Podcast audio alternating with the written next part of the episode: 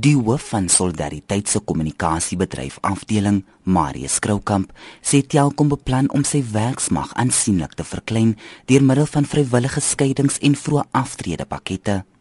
Maar Kroukamp sê daar mag ook gedwonge afleggings plaasvind.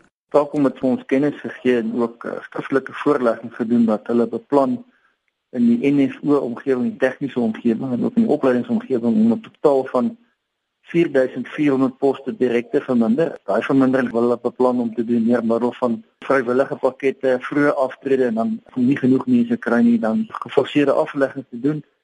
En verder ook 'n groep van 3200 werknemers oor te plaas na diensverskaffermaatskappye en en van daardie maatskappye is maatskappye wat hulle nog op die been wil bring en dit is natuurlik groot vraagteken rondom dit. Kroukam sê Telkom se dienste is alreeds baie benadeel deur afleggings en kan nog verder negatief geraak word. As jy kyk na die feite wat met Telkom gebeur vandat hy as maatskappy so aggressief begin afskaal het, ons het feite dat uh, ongeveer 6.500 rekeninge dispute uitstaande is en nie gehanteer is nie.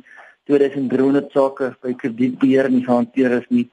Daar 7000 e-posse by die 10212 diensentrum wat nie gehanteer is nie.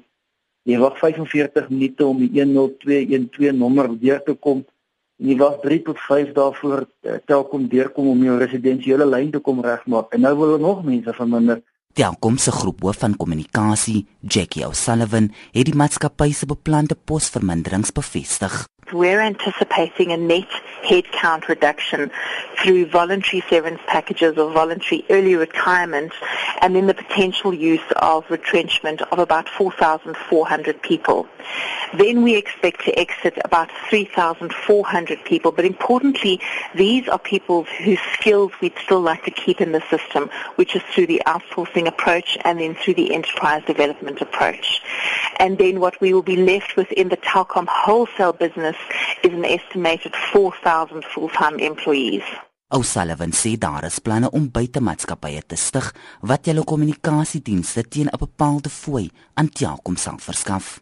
Firstly, we can look at outsourcing, where uh, we take the skills that we have and we put them into other companies that subcontract back to us.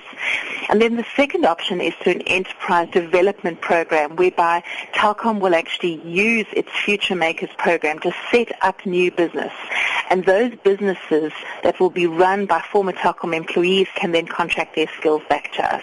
Die vakbond Solidariteit beplan om 'n taakspan saam te stel wat Telkom se beplande afleggings en moontlike regsaksies sal ondersoek. Ek is Jean Estreisen in Johannesburg.